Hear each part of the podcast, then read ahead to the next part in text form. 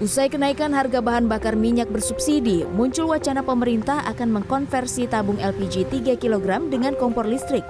Kebijakan ini pun ditanggapi beragam oleh masyarakat. Di Tasikmalaya, Jawa Barat, sejumlah ibu rumah tangga dan pedagang keliling mengaku resah. Mereka khawatir beban pembayaran listrik semakin membengkak tiap bulannya.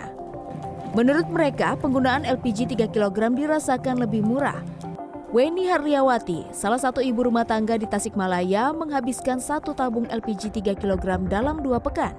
Jika dikalkulasikan, pengeluaran dalam satu bulan untuk gas LPG 3 kg kurang dari Rp50.000. Iya, berat.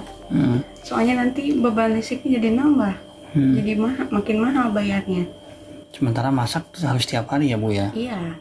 Sehari Bu bisa masak berapa kali, Bu? Dua sampai tiga kali. Hal senada diungkapkan pedagang keliling di kawasan Sambong Jaya. Mereka mengaku bingung jika gas LPG 3 kg harus dihilangkan. Penggunaan kompor listrik bagi pedagang keliling dianggap menyulitkan. Susah, kalau itu udah habis, dicasnya bagaimana dicasnya ya? Tahu harus kan, ke mana gitu. Kan ibu mau keliling ya? Iya keliling. Mengkonversikan tabung gas 3 kg menjadi kompor listrik tak semudah membalikan telapak tangan. Jika tak dipikirkan dengan matang, konversi ini akan menimbulkan masalah baru.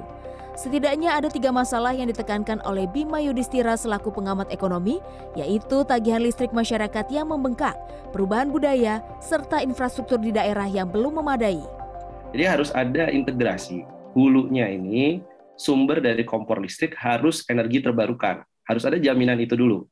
Baru kemudian di ujungnya menggunakan kompor listrik. Jadi ada integrasi.